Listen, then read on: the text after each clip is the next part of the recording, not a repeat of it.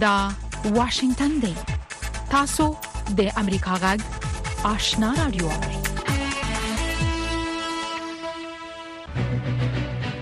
قدرمن اوریدونکو السلام علیکم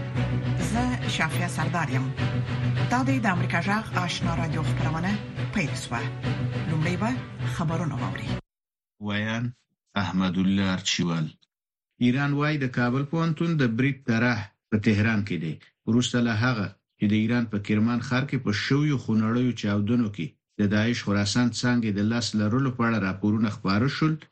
تازه د ایران د استخباراتو وزارت له ایرانیانو غوښتي چې د داعش وسله والې ډلې د خراسان څانګې د یو غړي محمد عادل چې د دې وزارت د معلوماتو پر بنسټ د تهران په لویدیځ کې لیدل شوی په نیولو کې مرسته وکړي. دغه وزارت د کرمان د بریدونو په تړاو په درېیمه خپره کړې اطلاعیه کې ویلي، یاد کس چې په عادل پنجشیري مشهور دی د کابل پوهنتون د برید طراح و.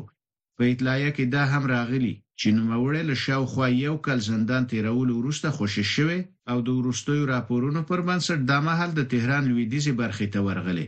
د ایران تسنیم خبري اژانس د عادل پنجشیري یو عکس هم خپور کړی.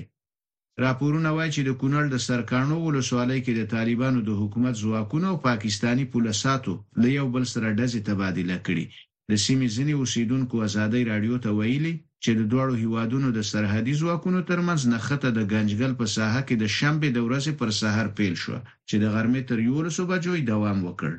د ځايي اوسېدونکو په وینا، دواړو لورو پر یو بل سپکې او درنې وسلې کارولي. د تورخم په ګډون د افغانستان او پاکستان ترمنځ ټولې ټرانزیټي لارې لا هم بندې دي. په تورخم کې د طالبانو یوه مسؤل چارواکي بېګا ناوخته ازادۍ راډیو ته ویلي چې په نژدې راتلونکي کې د دې لارې پرانیستو ته هېڅ تمه نشته.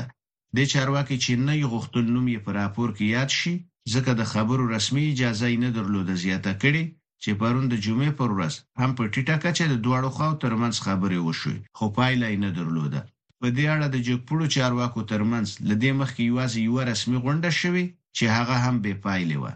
د کاناډا د کډوالۍ د چارو اداره وايي چې پرون، د جمعې پر ورځ، درې سوه نولس تنه افغانان له پاکستان څخه په یو چارټر الوتکه کې د کاناډا وانکوور ښار ته ورسېدل دې ادارې پرون پر خپله ایکسپاڼه لیکلي، چې دا افغانان به خپل سفر د اوتاوا او ټورنټو په ګډون د کاناډا شپږ ویشت سیمو ته دوام ورکړي. د کاناډا د کډوالۍ د چارو اداره وايي، چې د دوه زره یوویشت کال په اګست میاشت کې پر افغانستان د طالبانو له بیا واکمنېدو وروسته تر دې دمه دا هېواد د لږ تر لږه څلوېښت زره زیانګالو افغانانو د هرکلي هدف ته رسېدلی.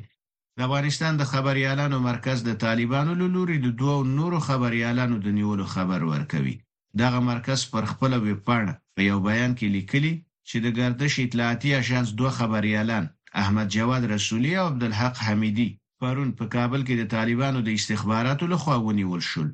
له امریکا غږ څخه خبرونو ته دوام ورکوو. د پاکستان په قلمرو کې د وسله والو ډلو پر پټن ځایونو د ایران له خونړیو بریدونو وروسته د دې هېواد منځمهالي لومړي وزیر انورالحق کاکړ د جمعې پر ورځ د پوځ او استخباراتو له مشرانو سره په بېړنۍ امنیتي غونډه کې ګډون وکړ. د پاکستان د لومړي وزیر له دفتر څخه د خپرې شوې خبرپاڼې له مخې، پرونۍ غونډه کې د وضعیت بشپړه ارزونه وشوه او د پاکستان پر ملي حاکمیت د تیری په ځواب کې د مناسب غبرګون ستاینه وشوه. اسراییل نن د غزې په جنوبي برخې وروسته تر دې بریدونه وکړل چې لومړي وزیر بنیامین نتنیاهو او د امریکا ولسمشر جو بایډن د غزې تر جګړې وروسته د شته اختلافاتو په اړه بحث وکړ.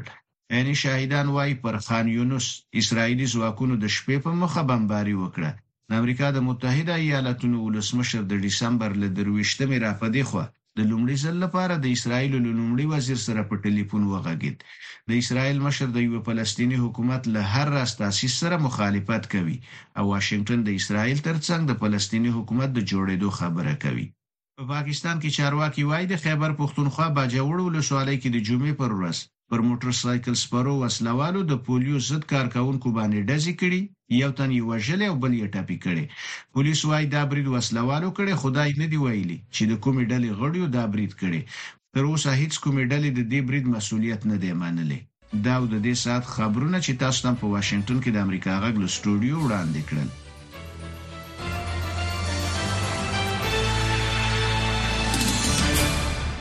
خبرونه مو د امریکا غږ آشنا رادیو څخه واوریدل. قدرمن اوریدونکو زموږ په دې سهارنۍ پښتو خبرونه کې د افغانستان سیمه او نړۍ د اوسنیو حالات په اړه کې مهم مطالب لرو او د امریکا ځخ سر مقاله هم اوریدلای شئ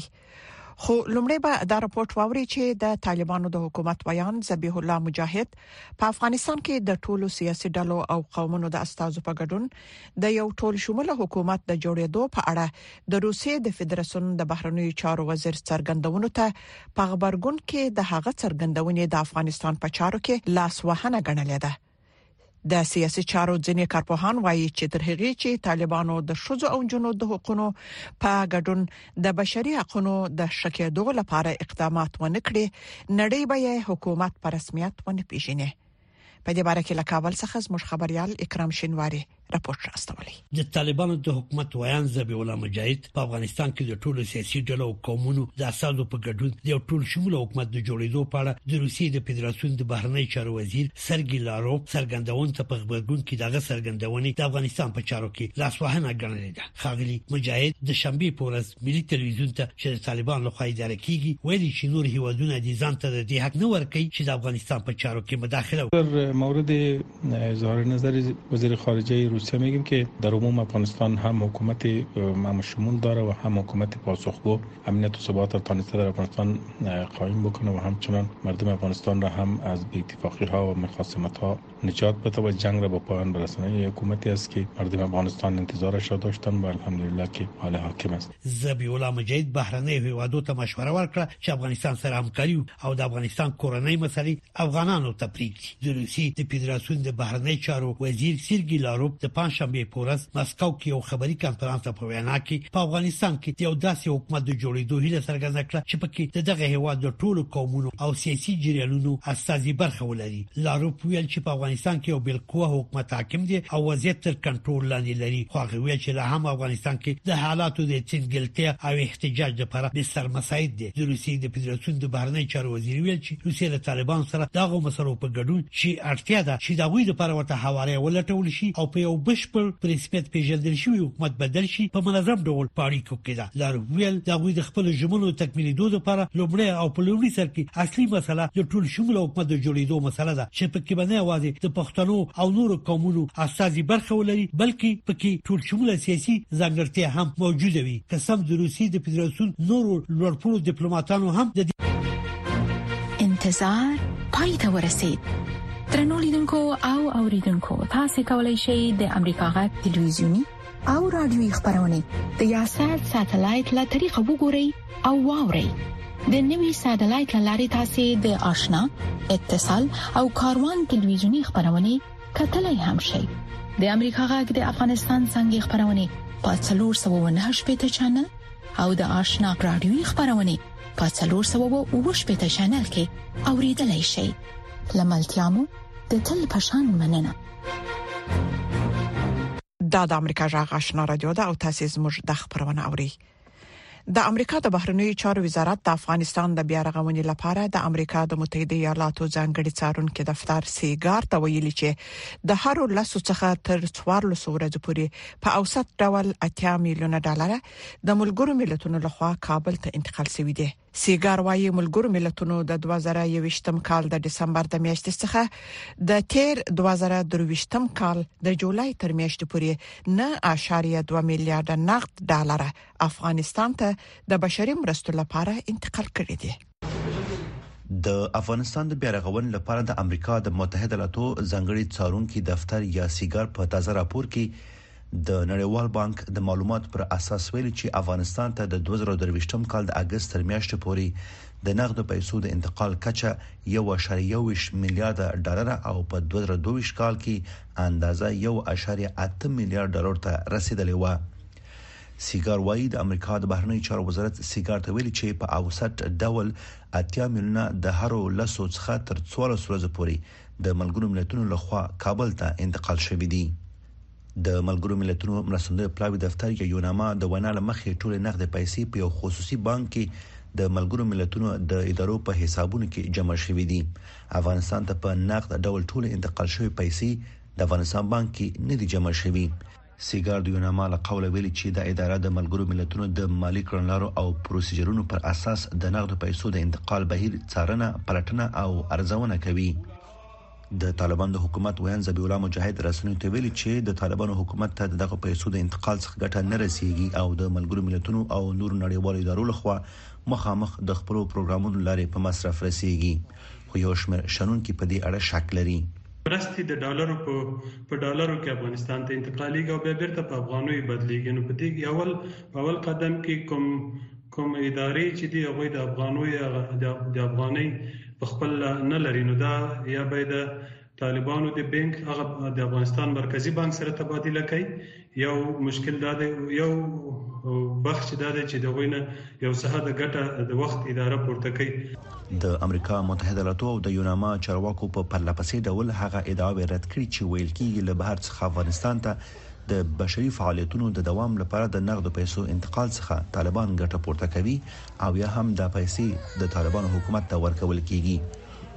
خو د اقتصادي چارو شنونکي د بشري مرستو پر وېش نیوکه کوي. دغه مرستو یوه زیاته برخه د موسساتو له خوا، د یو څه موسساتو له خوا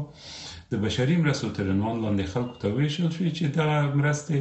صرف او خپل مقطعي تاثیرات یې درلودل خو اوږد مهال لپاره هېڅ وخت د افغانستان د خلکو اقتصادي ستونزې نه شي حل کولای. شنونکي وايي، په دغه کچه نغدې پیسې د نړۍ هېڅ هېواد ته نه ورکول کېږي. تیرو دوو کالو یا دوه نیمو کالو کې کوم داسې بنسټیز کارونه نه دي شوي چې د افغانستان ولس ورنه د ولس هغه د درد دوا شي ټول کارونه د بشر دوستانه مرستو په نوم شوي چې خلکو ته د یو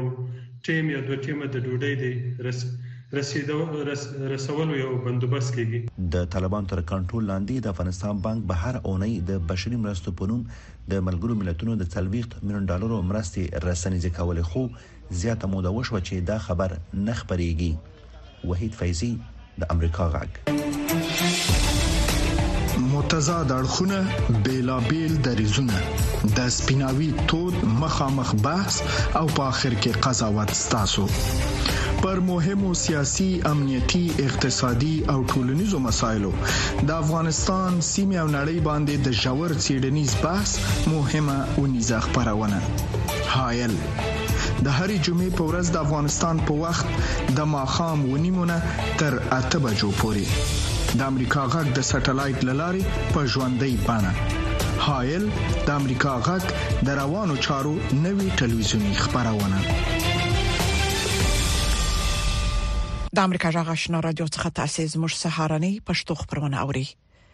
د اسرایلو له لومړي وزیر بنیامین نتانیاهو سره تر خبرو څو ساعت وروسته د متحده ایالاتو جمهور رئیس جو بایدن د غزې له جګړې پس د فلسطیني دولت د راتلونکو په اړه له نتانیاهو سره د اختلاف په اړه څرګند څه ونه ویل بایدن وویل د دوه دولتونو څو ډوله حل لارې شته چې نتنیاهو ممکن د یوې لارې سره موافق وي تر دې مخکې داسې رپورټونه خبره شوې و چې امریکا او اسرائیل د غزې د راتلونکو په اړه د نظر جوړ اختلاف لري نور حال پر رپورت کې ووري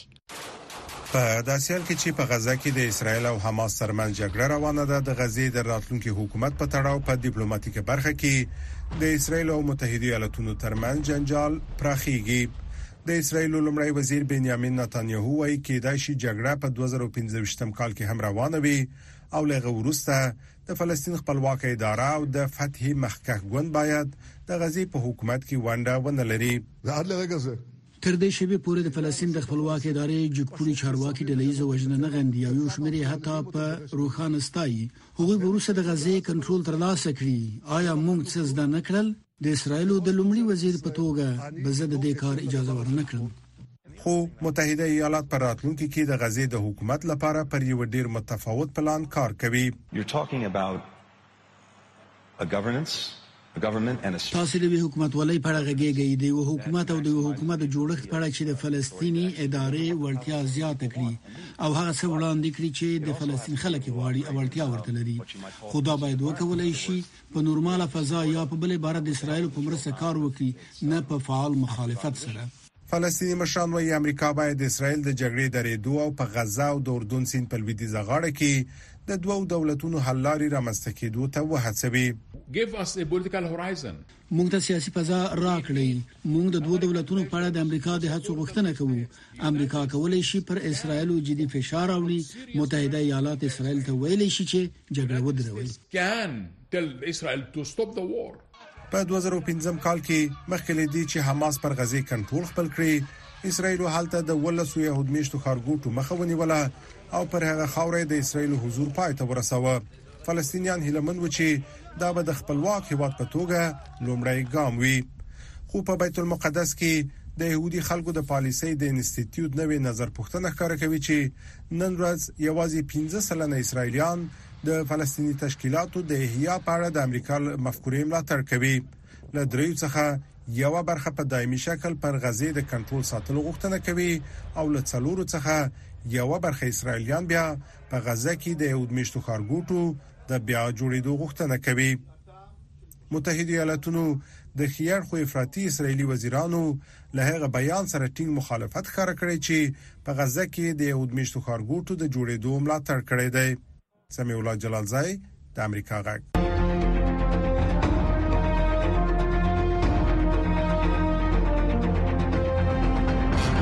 اتصال زموږ او ساسي پیوستون خبرونه چیرنی او خبرګونونه موثق معلومات او دقیق جزئیات کورنۍ نړیوال او سیمېزي مسلې چې د عام خلکو پر ژوند غیز لري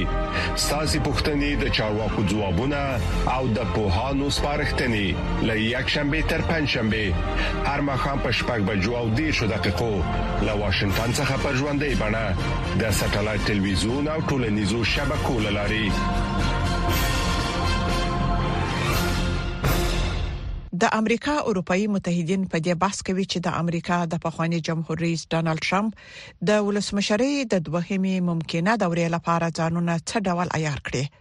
د امریکا او اروپאيي ملګري دا کار ورسته له هغه کوي چې ډونالد ټرمپ څو ورځې مخکې په ایوا ایالت کې د جمهوریت غوښتونکو په ګوندي سیالیو کې ډېری رائې وګټلې دغه بریا پر راتلونکو ولسمشریزو ټاکنو کې د جمهور رئیس بایدن په وړاندې د ټرمپ دریځ پیاوړی کوي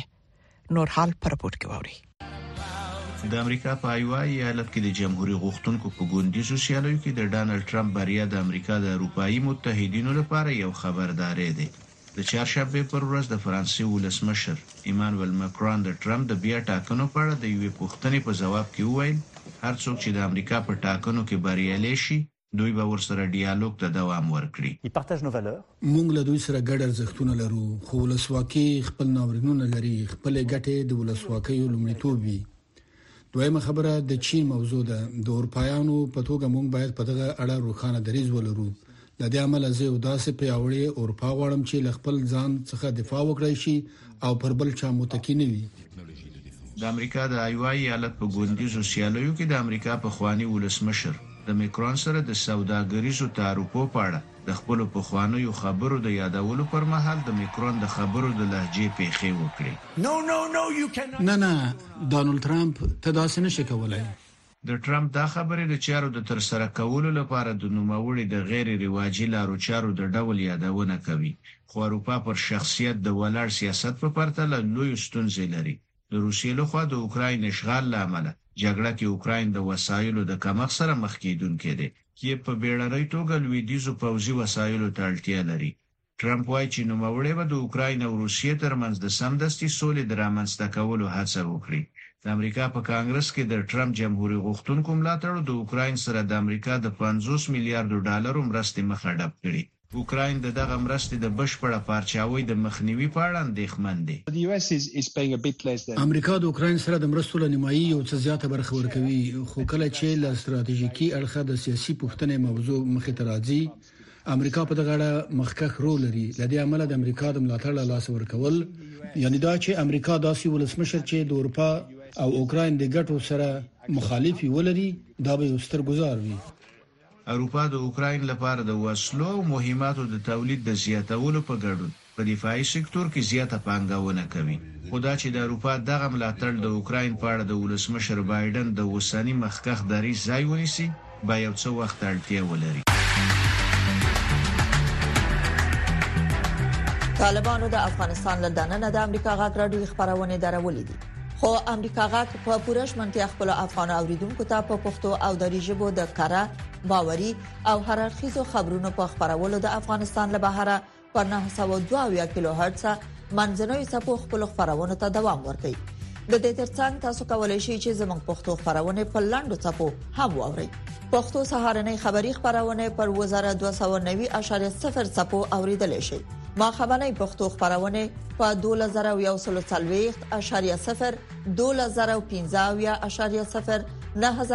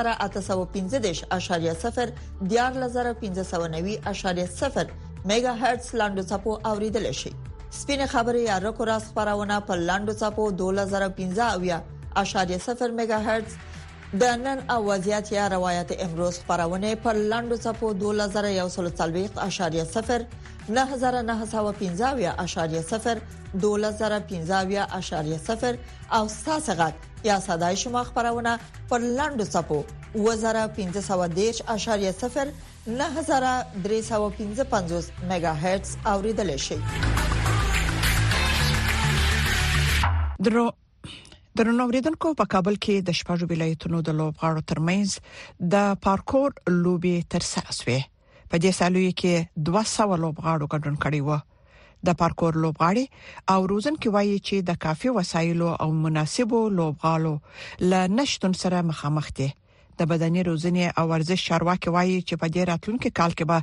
د لوبغاړو ستونزې حل کړي نور حال د شمس آریان پر پورت کې ووري د افغانستان د بدني روزنې او ورزش ادارې له لوري د کابل په ګډون د خوست کاپیسا غزنی ننګرهار او پکتیا ولایتونو ترمنځ د پارکور رزمي لوبو سیالي او نندارې تر سره شوې په دغه لوبو کې چې دوه سوه لوبغاړو ګډون کړی وو زیاتره د بدني روزنې او ورزش ادارې څخه د پارکور لوبو د وسایلو ترڅنګ د ورته نورو سیالیو د جوړولو او بهرنیو سفرونو غوښتنه کوي مونږ بعضی مشکلات لرو مثلا بعضی شان چې خارج کې او نور مملکتو کې پارکور لپاره مهیا شوی دي دلته لږ کم دي شته دي خو په هغه سویه نه دي چې مونږ ډیر پیشرفت وکړلای شو مثلا مونږه باید سپرینګ فلور دا شان مونږ ته مهیا شي ترڅو کول شي پغه باندې ډیر جګ حرکت او مونږه ضربګیر دا شان هم هم ابتدایي هغه کې دي لیول کې دي نو د حکومت څخه دا خواسته ده چې مونږ سره کومک وکړي او دغه مسابقه دایره کړي ترڅو کولای شو مونږ د لارې څخه ځوانان ښې لارې ته تشویق شي او ورزش وکړي او موږ پیشرفت ولرو. افغانستان کې خو دا دریم ځل مسابقې دي په همدغسې ملي ټیم یو هلمند کې شوی بل په هرات کې شوی اوس کابل کې دا مسابقې جوړ شي باید موږ د خارجي سفر جوړ کړي نور ملکونو ته باید موږ یو اصل شي مسابقې غټ غټ مسابقې به جوړ شي بل لور ته د پارکور لوبو روزونکي د ستونزو د حل ترڅنګ د اولمپیک له ملي کمیټې غواړي چې د افغانستان له اطرافو څخه هم ځوانان راټول او دغه ورزش ته پراختیا ورکړي دغه روزنکي له ورزشکارانو غواړي چې د اوسنیو کمو امکاناتو څخه ډیره ګټه پورته کړي مشکلات ډیر دي خو مبارزه په کار ده مشکلات ډیر دي نو هر ولایت کې مشکل دی که دا پارکور د سیده چې وسایل ته څه زیات اړتیا لري نو کار چې تبعید وسایل ډیر وسی کې هغه ځکه شاګرد هم خطر بیا کېږي شاګرد خروزل کېږي شاګرد خمخه تمزي نو ډیر زیات مخه تزي نو وسایل مشکلات شته دي خو باید دغه مشکلات سره سره باید موږ تاسو مبارزه وکړو د بدني روزنې او ورزش ریاست چارواکي وایي چې د پارکور فدراسیون تر دې دمه کومه ځانګړې بودیجه نه لري دغه چارواکي د دې سره سره چې د لوبغاړو ستونزې مني خو په خبره یې چې په راتلونکي مالي کال کې به د دغه فدراسیون مالي ستونزې حل کړي تاسو ته معلومه ده چې د اولمپیک ساکل بودیجه نه درلوده ریاست جمهوریت تربیت بدني د خپل بودیجې نه اکثره فدراسیونونه د پوښښ لاندې راوستلې دي ان شاء الله په راتلونکي کې موږ پلان کې لرو په راتلونکي کال کې ساکل چې مالی کال هم ختم دی نو ان شاء الله که د اولمپیک ملي کمیټه بودیجه رااله لغنه به خریداري وسی کنه بیا تربیت بدني او ملي ریاست هم ان شاء الله د سره په هر فدراسیون سره خپل اندازه باندې به همکاري ورسره کیږي د پارکور لوبې تر ډېره د جمناستیک لوبو ته ورته دي چې په افغانستان کې د ځوانانو ترڅنګ د کم عمر زلمیان هم د دې لوبو تمرینات کوي د دغو لوبو روزونکي وایي چې که د ځانګړو لوبغالو د جوړېدو او امکاناتو زمینه برابره سي لیرې به نه وي چې افغان ځوانان به په نړیوالو لوبو کې ښه وځلیږي شامسارین امریکا غږ او د امریکا د میرلند ایالت په یو پوهنتون کې چیرونکو د حساسو ناروغیو د تشخیص او درملنې لپاره د مصنوعي ځیرکتیا څخه کار اخلي نور حال په دې رپورت کې د مریلند د جان هاپکینز پوهنتون طبي چیرونکو د زړه د ناروغانو د علاج لپاره نوې لارې کاروي دوی اوس د انسان د زړه یو مصنوعي نمونه جوړوي او بیا د مصنوعي ځیرکتیا په ګټه اخیستنې د مرض حساسیت معلوموي. موږ په تیرو لسو کلونو کې د زړه د سکتې د مرګونو څیړنه کړې ده او هغه زړونه د اوسنیو مریضانو د زړونو سره پرتله کوو. د دې لپاره د مریض زړه معاینه کوو او د پخوانیو څیړنو سره د مقایسه کولو نه پس وایو چې دا مریض څومره د خطر سره مخ دی. ډاکټره ناتالیا وايي چې دوی د پخوانیو لارو پر ځای د زړه د علاج نوې لارې غوره کړې دي چې د زړه د جلا جلا برخو پر ځای د ټول زړه یو عکس جوړوي او بیا ورته خپل اټکل کوي. موږ د ژورې څېړنې نه ارقام ترلاسه کوو او بیا یې په جلا جلا طریقو ازموینه کوو او د دې سره د زړه د مریض وضعیت معلوموو. د جان هاپکینز پوهنتون د سرطان د څېړنې په مرکز کې ډاکټر ویکتوریا ویلوکولوسوکو له نویو تشخیصي لارو د سږي د سرطان او د نورو مرضونو درک لګوي.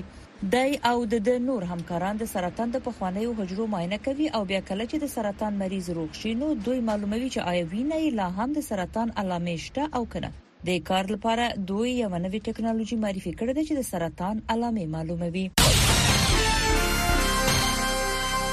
د اوس په امریکا ژغ سرمقاله ووري چې د امریکا د حکومت رسمي نظر څرګندوي په داسې حال کې چې د ایران تر ملاتړ لاندې حوثیان په سره سمندرګي کې د سوداګریزو کشتیو پر خلاف بریدونو ته دوام ورکوي متحده ایالات هم لګیا دي په یمن کې پر هغو ځایونو دفاعي بریدونه سرته رسوي چې حوثیان ورنه د بریدونو لپاره استفاده کوي د جنوري په یولسمه د متحده ایالاتو او بریتانیې لخوا په یمن کې د حوثیانو پر خلاف له یو لړ پراخو هوایي بریدونو وروسته چې استرالیا، بحرین، کاناډا او نیوزیلند هم ملاتړ کاو، حوثیانو بیا د سره سمندرګي په لورې بالستیکي توغندي وار کړل. د تېلو یو ټانکر چې د مالټا جنډه پرې لګېدلې وه، وویشت او د یوه امریکايي شرکت تېل وړونکې کښتۍ هم په نښه کړه. متحده ایالاتو یې په ځواب کې بیا په یمن کې د حوثیانو په مرکزونو هوایي بریدونه وکړل. جمهور رئیس جو بایډن د جنورۍ په یولسمه د متحده ایالاتو او بریتانیې د هوایي ځواکونو لخوا د هوایي بریدونو د سرته رسولو په اړه په یوه بیانیه کې وویل، دغه مدافع عملیات چې د حوثیانو توغندي، رادارونه او د بې پیلوټه هوایي بریدونو مرکزونه یې پکې په نښه شوي وو، پر سوداګریزو کښتیو باندې د هغوی د حملو د بندولو لپاره د متحده ایالاتو، ګڼ شمېر نورو هېوادونو او د ملګرو ملتونو د امنیت د شورا د دوه اوونیو خبردارۍ وروسته اجرا شول. بایډن ویل چې دغه بریدونو د متحده ایالاتو د سمندري پوز پرسونل مانوګانو او زمنګ د شریکانو ژوند په خطر کې اچولیو